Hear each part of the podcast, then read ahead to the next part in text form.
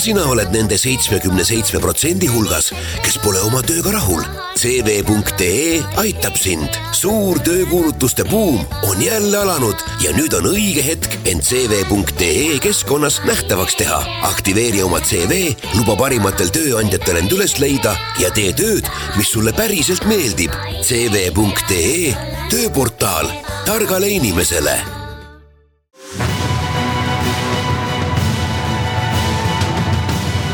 kaks ühes. tere, head sõbrad, Kaks ühes on jälle eetris, sest on teisipäev ja see on saade, mis on Kuku raadio eetris iga kord ühest kella kaheni. stuudios on Vilja Kiisler ja mul on suur rõõm selle teiega täna asju arutada. loomulikult ei tee ma seda üksi, sest saade Kaks ühes erinevalt teistest Kaks ühes toodetest ei sobi mitte pealevõtmiseks või sissevõtmiseks ega pealeväärimiseks, vaid pigem järele ja kaasamõtlemiseks. saate esimeses pooles räägime ökonomist Kaspar Ojaga sellest, kuhu kadus meie raha ja kuhu võib ta veelgi kaduda. juhul kui Isamaa teeb teoks oma plaani teine pensionisammas vabatahtlikuks muuta. saate teises pooles kohtume Ilmar Raagiga, režissööri ja kommunikatsioonieksperdiga kellega mõtleme järele selle üle, kuivõrd on praegu Eesti ühiskonnas võimalik leida lepitust erinevate poliitilise poole valinud inimeste vahel. kuidas leida ühisosa ja rahut-, rahustada käimistemperatuurini keenud ühiskonda. Kaspar Oja, tere tulemast. tervist.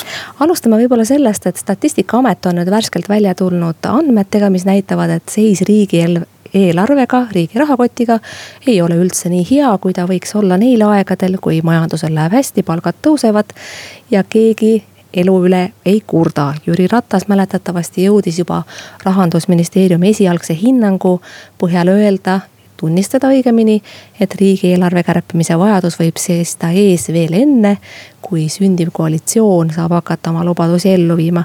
kuidas saab siis olla, et elu on hea, äh, majandus kasvab, riigieelarve satub järsku miinusesse? Äh, jah, tõepoolest, et eelmisel aastal oli äh riigieelarve siis äh, suhtena SKP-sse umbes pool protsenti SKP-st miinuses. Äh, mis noh, kui võtta maha sealt niisugune majandustsükli positiivne mõju, arvestades kõike seda, et palgad on kiiresti kasvanud ja hõive väga kõrge, siis tähendaks seda, et niisuguse normaalse aja mõttes kusagil poolteist protsenti miinust või isegi kaks protsenti miinust, et see on, see on üsna, üsna suur miinus. ja, ja kui kui püüda seda mingisuguse niisuguse varasema ütlemisega seostada, siis äh, siin võiks võib-olla välja tuua selle, et äh, kui äh, siis praegune või siis viimane koalitsioon äh, tuli äh,, muudeti äh, natukene eelarvereegleid mis võimaldas äh, teha äh, heal ajal miinust nii-öelda siis varasemate plusside arvelt. ja see oli oportunistlik selles mõttes, et see võimaldas kulutada siis äh, koalitsioonil, äh, kes on parajasti ametis, aga järgmine koalitsioon pidi hakkama kärpima.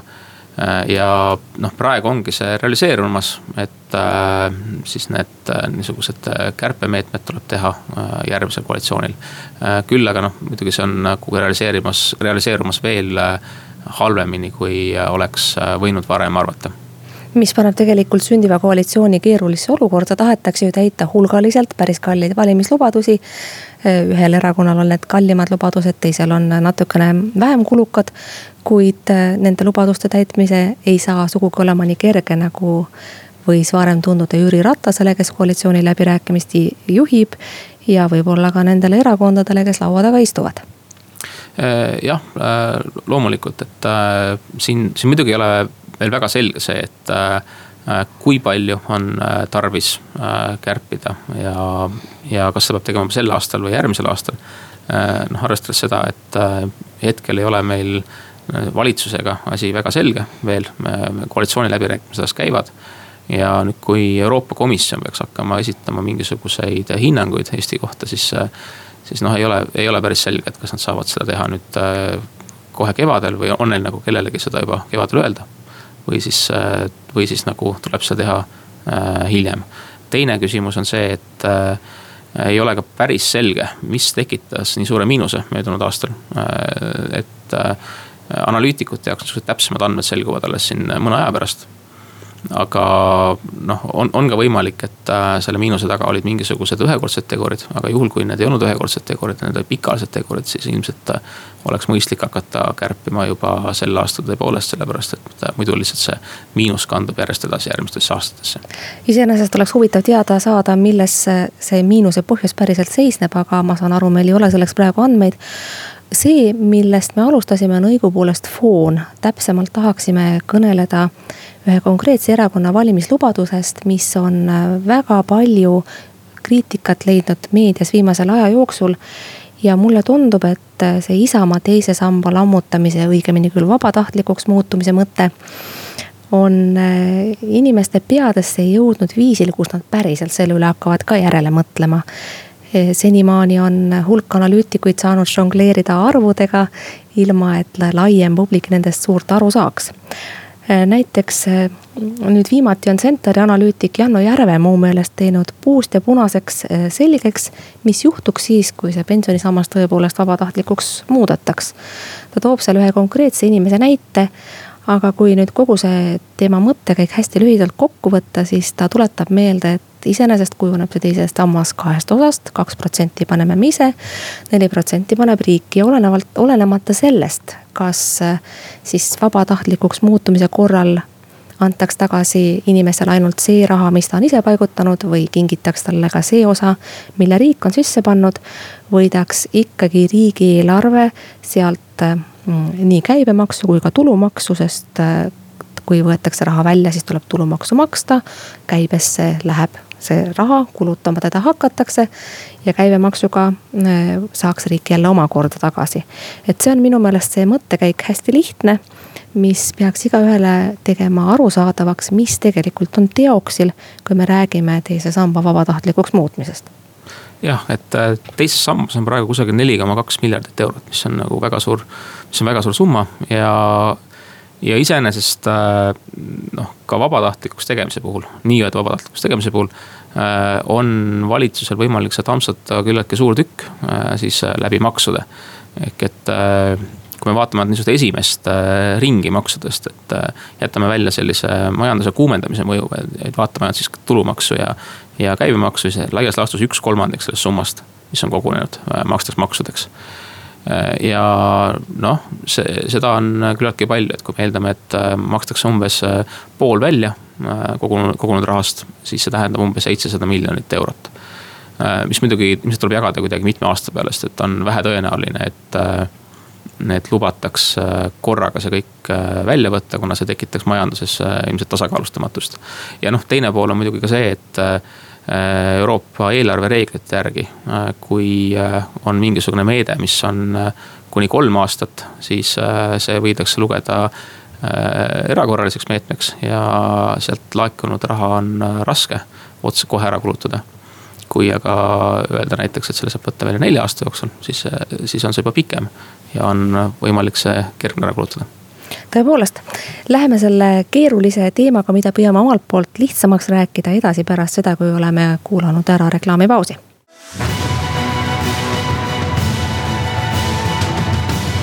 kaks ühes. Head sõbrad, kaks ühes läheb edasi sealt, kus ta pooleli jäi, me rääkisime sinu ja minu rahast, head sõbrad ja jõudsime sinnamaani, et sinnamaani, et kui tulevane koalitsioon, mis praegu võimuläbirääkimisi peab, peaks otsustama, et tulevikus enam teise pensionisambasse riik sissemakseid ei tee. vabastab see riigi jaoks igal aastal hea mõnisada miljonit eurot, mida saaks siis kasutada valimislubaduste täitmiseks ja võib-olla ka eelarvelaukude lappimiseks sest äh, eelarvega pole lood nii head, seda näitavad nii statistikaameti kui ka rahandusministeeriumi hinnangul. mis võiks ju olla üllatav, sest äh, majandus kasvab ja palgad tõusevad, kellelgi ei lähe halvasti, riigil seevastu miinus majas. mõtleme nüüd koos Kaspar Ojaga ka üles selle peale, äh, järele selle üle, kuivõrd võis ikkagi see Isamaa plaan, mille üle hakkavad siis koalitsioonipartnerid või vähemasti need, kes ennast praegu koalitsioonipartneriteks peavad, läbi rääkima. Eh, olla see plaan teise pensionisamba vabatahtlikuks muutmisega kohe algusest peale. et eh, Seeder on erakonna esimees on meile rääkinud sellest, kuidas me saame kõik ise otsustada ja. ja kuidas on hea, kui meil on eh, valida, mismoodi investeerida, kuhu oma raha panna.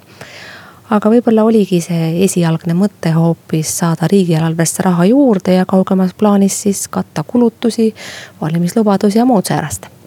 Et eh, seda on väga raske öelda, mis, mis nende see originaalne mõte oli, aga, aga noh, loomulikult on, on ju räägitud, et võiks, võiks eh, kuidagi mõjutada iibepoliitikat selle rahaga ja nii edasi et teha mingisugust siis endale sobivat poliitikat, aga kui noh, võtta arvesse seda, et missugune seis on eelarvega, siis kindlasti paljude poliitikute jaoks see, see raha seal sambas on ahvatlev. Ja noh, selle kiire ärakasutamine niisuguse äh, lühiajalise poliitkonjunktuuri mõttes oleks neile, neile kindlasti sobiv. äh, noh, ma, ma siiski arvan, et äh, poliitikute seas on väga palju neid, kes saavad aru sellest, et meil on teist sammast tarvis.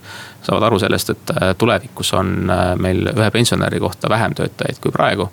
ja noh, see, see mõnes mõttes noh, kui see teine sammas nüüd niimoodi käiku lasta äh, oma kulude katteks, siis see on noh, seda silmakirjalikum see on, kui me arvestame, et äh, ikkagi poliitikud saavad aru, milleks seda tarvis on aga iseenesest võiks ju poliitikutele pähe tulla ka see mõte, et äh, seesama rahvastik, mis vananeb. ja needsamad pensionärid, keda on juba praegu päris palju ja on tulevikus veelgi rohkem. ka nemad jäävad teatavas mõttes ju riigi äh, vastutusele.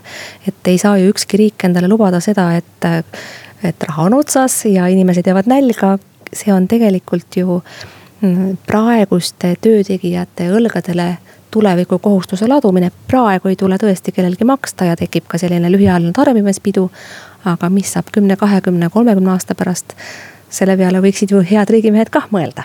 otse loomulikult, et, et siin võib-olla peaks seda, seda pilti vaatama selles valguses, et kuidas meil on viimase kümne aasta jooksul läinud, et me oleme nautinud küllaltki hea, häid tulemusi tööturul, et on äh, hõivemäär tõusnud küllaltki palju, äh, on palgad kasvanud kiiresti. selle taga on äh, struktuursed reformid, meil on toodud väga palju inimesi tööturule, kes enne tööturul ei olnud, aga need võimalused hakkavad nüüd ammenduma. samuti viimastel aastatel on aidanud kaasa immigratsioon, noh nii see lihtsalt on, kui me vaatame numbreid. Äh, selle osas me noh, võib-olla nüüd vaadat-, vaadates neid kõnelusi ka väga optimistlikud ei saa olla ja noh. ilmselt ei oleks ka see pikaajaliselt võimalik, et immigratsioon on Eestis väga suur. et ta varem või hiljem tekitaks mingisuguseid, mingisuguseid tagasitöölööke aga, aga kui me arvestame, et need tegurid, mis on aidanud kaasa äh, seni heale maksulaekumisele ja, ja noh, seeläbi ka pensionide kasvule, need tegurid kaovad ära varsti siis, äh, siis see olukord äh, läheb kehvemaks. et äh, kindlasti igasuguste valimislubaduste juures tuleb arvestada sellega, et need maksavad. ja kui soovitakse pakkuda rohkem, rohkem tasuta teenuseid või siis ka noh, vägevamaid infrastruktuuriobjekte, siis see tähendab pikas perspektiivis seda, et tuleb makse tõsta. et võib-olla see on niisugune asi, mis ei ole inimestele veel täielikult kohale jõudnud või siis see on see asi, millest ei ole tahtnud poliitikud väga rääkida tasuta asjad ei ole ju kunagi tasuta, kuigi poliitikutele meeldib niimoodi rääkida, maksumaksjale on midagi võimalik pakkuda ainult tema enda raha eest. mis siis ühest taskust võetakse ja teisest, mm, teise antakse juurde, vähemasti lühiajaliselt te viitasite korra ka, et see Seedri esialgne plaan oli ju mm, asendada pensionisammas sellega, et meil sünnib rohkem lapsi. ma mäletan, see oli kaks tuhat seitseteist, kui Postimehes ilmus tema esimene programmiline artikkel mm. -hmm. mis ei rääkinud mitte samba vabatahtlikuks muutmisest, vaid koguni selle pikalilükkamiseks. ja siis ta ütleski, et ainuke, mida me saame oma kindlustami-, tuleviku kindlustamiseks teha, on hoolitseda selle eest, et sünniks palju lapsi ja viimati näiteks ka Äripäev on Seedri enda investeerimisvõimekust siis natukene lähemalt vaadanud, sest investeerimine on ju see, mida ta mida meie tema meelest võiksime selle teise sambaga raha teha. ise ta investeerimisega silma ei paista, tal on seal üks metsakene, kus küttepuid teha, natukene maad ka. senimaani on suurem osa raha kulunud laste ülalpidamiseks, sest Seedril on neli last ja ähm, kinnisvaragi äritegevuseks ta ei kasuta, muid investeeringuid pole. ise arvab ta, et usun, et tal on teinud õigesti, küll elu ja tulevik näitavad, mis võimalusi veel on järgmistel aastatel pensioni kindlustamiseks. meie muidugi ei tea, mis elu ja tulevik näitavad ei meile ega Seedrile, küll aga võiksime korraks mõelda ka selle peale, kuivõrd ähm, tõenäoline oleks, et realiseerub siin meil Ungari ja Poola eeskuju, mis väga lühidalt kokkuvõttes ütleb seda, et need riigid on teise samba raha inimestelt lihtsalt ära võtnud noh, see on ka üks võimalus, on ju, aga ma, aga noh, seni on vähemalt öelnud äh, äh, poliitikud, et äh, seda nad ei kaalu äh,. kuigi jah, see Ungari, ütleme siis Poola äh, tegu vist tähendas umbes seda, et äh, see teise samba süsteem pööratakse täielikult tagasi ja, ja sellisel juhul äh, siis liidetakse, et äh, see varasem teine sammas sisuliselt esimese sambaga. aga noh, see siiski noh, praegu on öeldud, et seda ei plaanita, kuigi mõnes mõttes see, kui lõpetada ka sissemaksed, äh, on noh, on sarnane, see on sarnane äh, tulevaste põlvkondade suhtes. siin korra oli juttu lastest, siis Eestis on levinud niisugune arvamus, et kui me suurendaksime sündimust kohe, siis, siis muutuks see pensioni maksmine tulevikus lihtsamaks et, et kui nüüd vaadata lähemalt numbritele otsa, noh esiteks muidugi on küsitav, kas üldse oleks võimalik sündimust väga palju suurendada.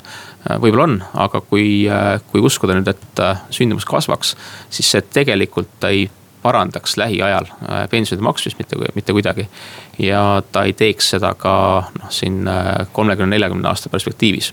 aga Seegri mõte on võib-olla hoopis teine, äh, et äkki lapsed hoolitsevad siis tulevaste pensionäride eest, et ta võib-olla käsitleb pensionisammast. lapsi kui pensionisammast selles mõttes, et noh, et jääme vanaks, riigisambaid ei ole ja ise ka ei maksa midagi, aga küll lapsed peavad meil üleval noh, niisugust kohustust on lastele väga keeruline panna, aga, aga nagu siinjuures tasub mõelda sellele, et tõenäoliselt, kui meie tahame, et meil oleks rohkem lapsi, siis meie lastel võiks ka olla rohkem lapsi. ja see tähendab seda, et tõenäoliselt nad siis kaugemas tulevikus tegelevad rohkem oma lastega, mitte meiega et, äh, et see on võib-olla mõõde, millele, millele siinjuures ei ole väga palju mõeldud. ma vahel mõtlen naljaga pooleks, et lapsed on üks kahjumlikumaid investeeringuid üldse, sest nad sunnivad inimesi tarbima. ostma asju, mida täiskasvanud kunagi ei ostaks. ja olgem ausad, kui nad ise jõuavad sellesse ikka, kui neil lapsed sünnivad, siis äh, neil on kõike muud teha, kui mõelda selle peale, kuidas läheb vanavanematel. ja noh, tööturul äh, ei suuda nad ilmselt kuidagi asendada ikkagi eh, neid puuduolevaid töökohti, mis selleks hetkeks võivad olla majanduses tekkinud. jah, aga, aga noh, muidugi laste puhul tõenäoliselt see peamine võit ei ole ikkagi mitte see rahaline, vaid see on see, et on äh, ma arvan ka vanematele inimestele see võit on sellest, et on äh, keegi, kellega vanas eas suhelda et äh, me ilmselt ei saa seda nii ette kujutada, et äh, lapsed peavad siis äh, kõik kinni maksma loomulikult nad maksavad seda läbi maksude ja nii edasi, aga, aga see, et äh, vana inimene peaks minema oma lastelt raha küsima, et äh, me ei, ma arvan, et me ei peaks äh, mõtlema sellise süsteemi loomise peale. mulle tundub see samamoodi teeme siinkohal nüüd jällegi pausi ja vahetame ka teemat pärast uudiseid. räägime juba hoopis muust, unustame rahakoti selleks korraks ära, ma loodan, te ei unusta ja mõtlete järele, mida panna oma laste õlule ja mida mitte aga saate teises pooles räägime Ilmar Raagiga poliitilise kliima ülekuumenemisest ja kuidas sedasorti kliima soojenemist saaks jahutada. Kaspar Ojale ütlen aga siinkohal suur-suur tänu stuudiosse tulemast. aitäh aitamast raha üle lugeda. kohtume pärast uudiseid.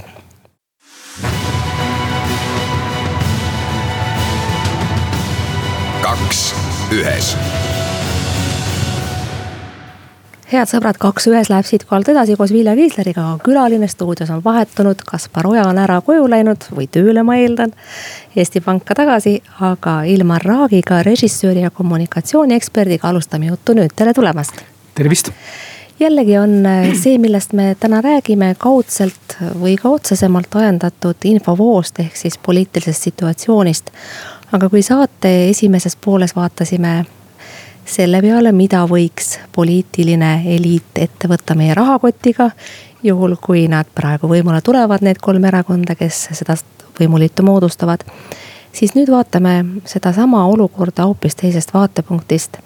ja nimelt sellest, et poliitiline kliima on kujunenud nii tuliseks, nii kuumaks, et seda võiks hakata kuskilt otsast jahutama ja kust ja kuidas, see võiks olla see, mille üle me mõtleme ma joonistan algatuseks äh, selle eilse pildi, mis äh, küttis kohutavalt kirgi nii meedias kui ka sotsiaalmeedias. nimelt tegid Eesti Konservatiivse Rahvaerakonna poliitikud Mart ja Martin Helme nädalavahetusel oma kanali raadiosaates avalduse, et nemad hakkavad toetama äh, tänavatele tulekut, inimeste, vihaste ja pahaste inimeste tänavatele tulekut siis, kui nad võimule saama ei peaks ja nad hoiatasid selle eest, et rändeleppe miiting oli selle kõrval, mis neil mõttes nagu üks pühapäevane jalutuskäik ja ühiskonna praegune pinge nagu lapse lalin või morsipidu.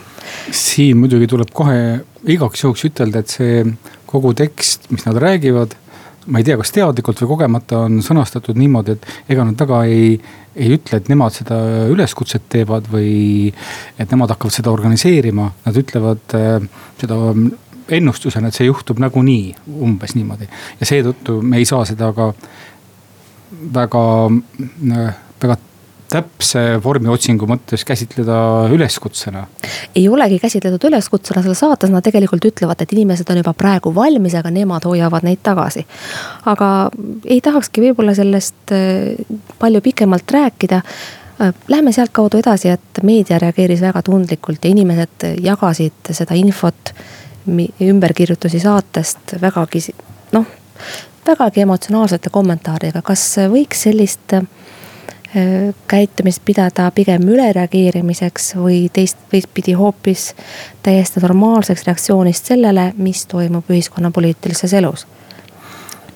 ma ei olegi iseendas päris veendumusele jõudnud, kumb variant on õige, sellepärast et äh, ühest küljest äh, eks taolistest asjadest rääkima peab, teisest küljest on aga tunda seda, mida perekond Helmed on mitu korda öelnud, et nad teevad trampi.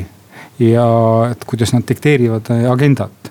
ja selle osaks on siis see, et sa võid enam-vähem suust ükskõik mida välja ajada, tähtis on see, et ta oleks nii terav, et inimesed reageeriksid sellele ja mitte ühelegi sõnumile, mida konkureeriv erakond kusagile välja ütleb.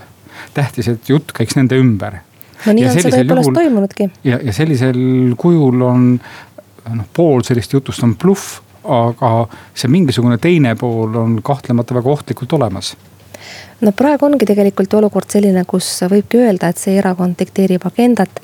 ajakirjanikud on omavahel küll, tõsi küll, pigem naljatoonis arutlenud selle üle, et mis juhtuks siis, kui me enam ei kajastaks iga väljaütlemist ja iga pressiteadetki, mis näiteks sealt tuleb, et mis siis juhtuks. mõni pakkus välja, et näiteks Trump sellises olukorras kaotaks ilmselt närvid ja ei teaks enam üldse midagi teha, kukuks võimult ja kaotaks tegutsemisvõime. me saame ajakirjanikena aru, et see ei ole võimalik, aga kuivõrd võib see tähelepanuvajaduse väiksem rahuldamine kärpida indu nii reljeefseid sõnumeid ja käevardusi loopida? kahtlemata on siinkohal siis suurt, suurematel meediaväljaannetel see ühiskondlik vastutus. et see on sama, sama mehhanism toimib ju ka terroristide puhul, kes saavad aru, et kui neist ei kirjutataks, siis neil ei oleks mõtet pommi panna. ja, ja antud juhul kuivõrd äh, kõikidel erakondadel või kõikidel inimestel iseenesest on alati õigus seda oma meediakanalit, äh, oma veebilehekülge üleval hoida, teha raadiosaateid. siis ei saa keegi ütelda, et ähm, neil suu kinni pandaks. et noh, sõnavabadus iseenesest säilib ja sellises olukorras on tõepoolest äh, turg, meediaturg see, mis otsustab, et kas, kas inimesed lähevad kõik riburada seda ainsat tõde kuulama või mitte, sellepärast et meedia arenguloogika või dünaamika on ju selline, et, et tihtipeale need uued äh, tulijad tulevad äh, esialgu marginaalsetest väljaannetest, siis, siis inimesed lähevad nende juurde ja seejärel suuremad meediaettevõtted inkorporeerivad selle, kuhu trend on minemas. antud juhul me nüüd oleme näinud, et ähm, EKRE on oma äh, meediategevuses olnud nii palju edukas, et äh, meedia on hea meelega ta üle võtnud, sellepärast et ta garanteerib seda liiklust või traffic ut ähm,. aga mul, mul on ka tunne, et, et mõnes mõttes siin praegu mängitakse tulega, ehkki, ehkki ma näen, et on võimalikud kolm stsenaariumit äh, ja kõik on omamoodi võimalikud. et selles suhtes on need stsenaariumid teoreetilised. esimene nendest on selline vaikse, eh, vaikse tsükli stsenaarium, mis räägib sellest, et eh, poliitilisel maastikul, kultuurilisel maastikul ikka toimuvad tõusud ja mõõnad, aeg-ajalt tõuseb keegi üles ja siis mõne aja möödudes ta vaikselt eh, jälle kaob. ja sealsed teemad lähevad teiste erakondade või teiste liikumiste alla. noh, põhimõtteliselt on, on võimalik ka see, et pärast mingisugust EKRE populaarsuse aegu hakkab tema populaarsus mõne aja pärast murenema. nii nagu me oleme läbi ajaloo näinud, et murenes Eh, Res Publica populaarsus, nii nagu Keskerakond praegu teeb vähikäiku, nii nagu Reform vahepeal oli suuremas madalseisus. noh, miski ei garanteeri, et EKRE on see, mis on tuhandeaastase rahuriigi garantiiks. see stsenaarium on nüüd selline, mille puhul me ütleme, et, et igaüks elab oma elu ja see tulemus on just nagu ilma, ilma oluliste tegevuseta garanteeritud ja ühel hetkel saab see otsa, aga mis on teine variant? teine variant on äh, see halvem variant, tähendab kõige halvem variant. ja see on see, kuidas rahulolematus äh, niimoodi pulbitseb, et ta iseenesest kuhugi ei kao ja ta mm, see pöördepunktiks peab olema siis äh, tõepoolest see plahvatus. no iseenesest teoreetiliselt me oleme maailmas näinud ju mitmetes riikides taolisi arenguid. selles valguses ma ütleks, et taoline esinemine, mida eh, Helmed eh, nüüd sel nädalavahetusel tegid, mulle meenutas kõige enam Aafrika riikide kogemusi, kus, kus tihtipeale sellised verised tänavarahutused tekkisid just nimelt pärast valimisi. kus mingisugune osapool ei olnud rahul valimistulemuste või sellega, kuidas toimus võimujaotus pärast. ja leidis, et see demokraatlik protsess ei olnud piisav, et äh, vaja on vägivaldse sammuga seda kuidagi toetada. Äh, huvitav on nende puhul siis see, ma räägin seda siis ka oma kahe Aafrika missiooni kogemusest, et äh, nende grupeeringute ja erakondade juhtide retoorika on enamasti valgemast valgem et nad kasutavad äh, kõige paremale tulevikule suunavaid ilusaid sõnu tihtipeale ja noh, nende jutt on see, et ei ole teist väljapääsu no,, rahvas nõuab. põrgutee on alati sillutatud heade kavatsustega. Äh, just nimelt äh,. aga nii, sõnastagem ka see kolmas, sest muidu me peame tegema pausi ja kaks esimest võivad meelest ära minna enne. ei, ja kolmas on äh, siis selline noh, nii-öelda aktiivne selle rahu otsimise variant, mille sisu tegelikult oleks umbes selline, et et EKRE saab eh, valitsusse, mõnda aega valitseb ja, ja seejärel eh, EKRE ise muutub et see mitte, et tema populaarsus ei lähe ära, aga ta kohaneb selle, selle rolliga, mis tal on. no see on ka üks asi, millest on ju palju räägitud. no, no see toodud sama soomlaste näide, aga tegelikult see on pigem erand kui reegel et eh, laiem Euroopa kogemus seda ei kinnita, tõepoolest soomlastel nõnda läks. head sõbrad, me läheme siitkohalt edasi. Ilmar Raagiga aga kuulame enne vahepeal ära teadaanded nende asjade kohta, mida saab sisse võtta ja peale määrida.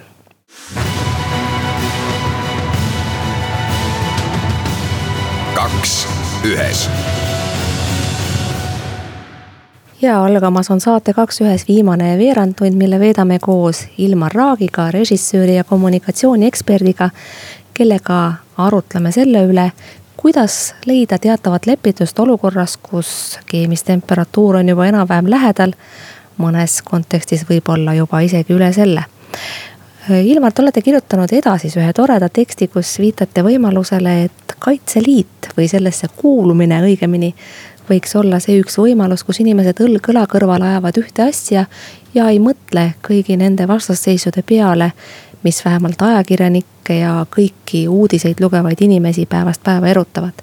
kirjutate tänu Kaitseliidule tean ma vähemalt kahte EKRE liiget, kellega ma oleksin igal hetkel valmis luurele minema, eelkõige sellepärast, et nad on rahulikud ja intelligentsed inimesed me kõik teame, et ega EKRE toetajaskond ei olegi ju sugugi homogeenne ja samas on ka selge, et kõik nad Kaitseliitu ikka ei lähe.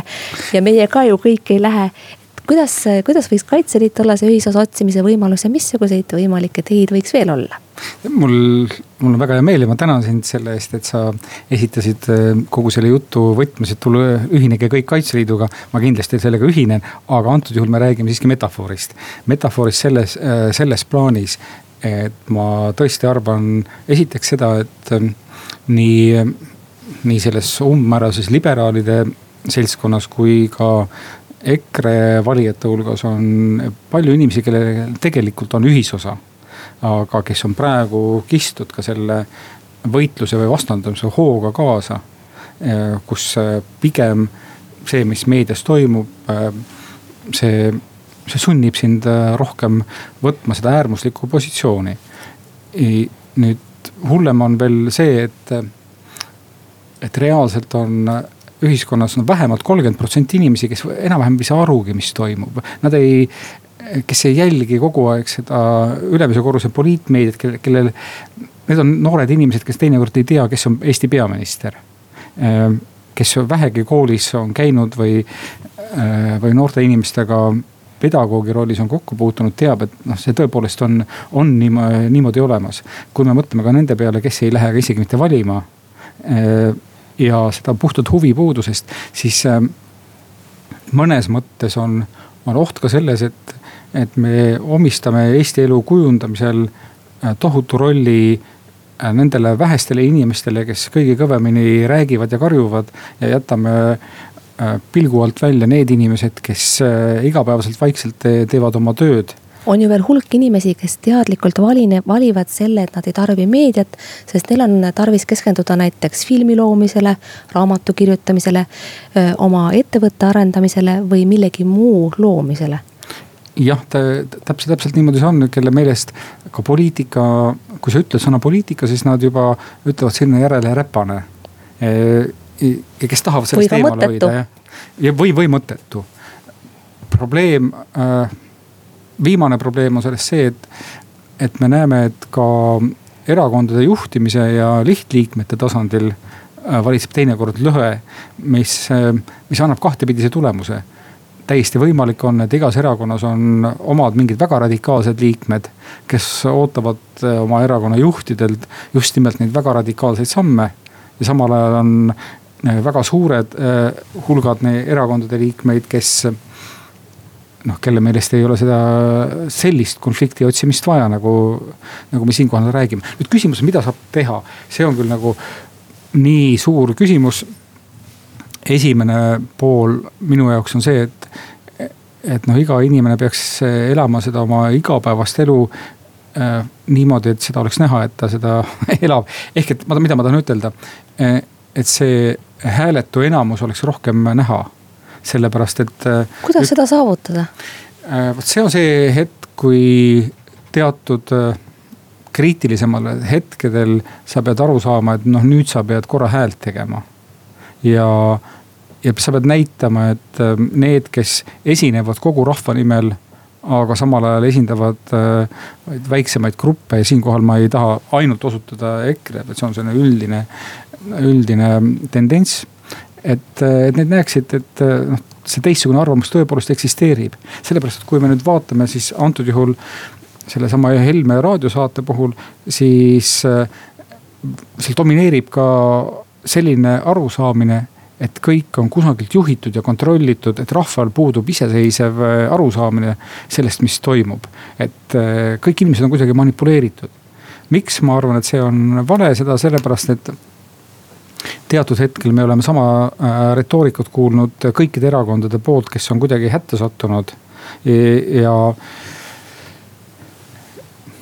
ja noh, ütleme ma, ma arvan, et kui ma ise töötasin ETV-s, siis oli, oli hetk kahe tuhandete aastate alguses selline, kus räägiti ka Rahvusringhäälingu kinnipanekust või ärakaotamisest ja ma mäletan seda hetke, kuidas meil oli tunne, et äh, praegu tehakse ETV vastu sellist koordineeritud kampaaniat ja kõik töötavad meie vastu. Äh, läks natukene aega mööda, ETV jäi alles, aga rääkides inimestega, kes olid seal teisel pool, ma sain aru, et et noh, igaüks tegelikult kõneles üsna iseenda nimel ja see oli täiesti organiseerimatu selline äh, mõte, mis oli lihtsalt õhus ja tegelikult on ju ka niimoodi, et selline vastandumisele suunatud äh, õhkkond või vastandumisele suunatud ühiskond soosib seda, et inimesed äh, lähtuvad väga palju sellest, mida nad ise tunnevad oma emotsioonidest. ja mul on tunne, et äh, ja kuidas ma üldse räägin, eks ole, mul mhm. on tunne, et praegu on see hetk, kus emotsioonid kipuvad inimesi eelkõige lahutama aga võib-olla jagagem ka kuulajatega seda, mis me rääkisime pausi ajal omavahel, nimelt seda, et Eh, filmi režissöörina te teate hästi, et inimesed naeravad erinevate asjade üle, aga nutavad enamasti sarnaste asjade pärast. kas võiks siis olla niimoodi, et emotsioonid, mis meid lahutavad praegu teineteisest, takistavad üksteisele lähenemast, võiksid osutuda kas siis kunsti või mõne muu äh, võimaluse abiga taasühendavaks? no ma ütleksin niimoodi, et meil tuleb siin kohe juubelilaulupidu ja äh, nii ebameeldiv, kui see ka ühele või teisele poolele selles vastandamise protsessis ei ole, siis laulukaare all päris kindlasti saavad kokku nii, äh, nii suuremad rahvuskonservatiivid kui ka need suuremad sallijad kas võiks olla ka, et kui see valitsuse moodustamise protsess ükskord mööda saab, siis toimub teatav rahunemine, olenemata sellest, missugune see valitsuse koosseis olla võiks? see, kui me räägime tulevikust, siis on tõepoolest ehm, võimalik variant, et juhul kui valitsus moodustatakse, no selline võimalus on ju tõepoolest olemas, siis äh, siis tõepoolest esialgu tuleb mingisugune rahunemine ehm, päris selgelt ma ei usu, et äh, siis selle koalitsiooni vastasrind hakkaks äh, tegema mingisuguste sammudega, tegelema mingisuguste sammudega, mis jääks väljaspoole põhiseaduslikku korda. Äh, küll aga me näeksime selle valitsuse poliitika ajal ilmselt rohkem selliseid noh, ütleme tänavaproteste erinevate otsuste vastu, mis sealt võiksid tulla. et selles suhtes on sellele valitsusele teada antud, et see opositsioon, mis ei ole ainult poliitiline, vaid ka kodaniku äh, nii rohujuure tasandilt. et see võib tõepoolest tekkida, seetõttu noh, pigem ma arvaksin, et tuleb äh, turbulentne selline aeg. aga ma möönan, et tõepoolest, kui, kui see valitsus ei tule, siis seal ka teist teist, teistsugusele võimalikule valitsusele tulevad neid proteste mingi aja vältel siiski päris kõvasti võimalik, et need jäävadki selliseks tsiviliseeritud maailma protestideks selles tähenduses, et nad annavad teada erinevalt mõtlevate rahvagruppide olemasolust. Aga me vähemalt ei välju sellest põhiseaduslikust korrast, mis, äh, mis on ka kuidagi siin viimasel ajal väheke kõikuma löönud tõepoolest nii see on ja lõppude lõpuks võiks ju soovitada ka, kui emotsioonid liiga tugevaks kasvavad ja pinged liiga suureks. astuda välja, sõita kaugemale või vähemasti kujutleda ennast mõnesse punkti, kus Eestis toimuvat saab jälgida nii-öelda subspeecie alternitaatis ehk siis igaviku seisukohalt. ja kui tingimata võib-olla mitte igaviku seisukohalt, siis kasvõi mõnest teisest riigist, kui, kuhu võite sõita puhkama. aitäh, Ilmar Raag stuudiosse tulemast ja aitamast otsida lepitust. Kes ei kuulnud saate esimest osa Kaspar Ojaga, kus me arutlesime selle üle, kuidas on lugu meie rahaga ja mis sellest võiks saada. siis tasub minna Kuku raadio arhiivi ja kuulata saadet Kaks ühes otsast peale. saatejuht Vilja Kiisler tänab kuulamast. saade Kaks ühes on jälle eetris järgmisel teisipäeval kella ühest kaheni. Kuulmiseni, nägemiseni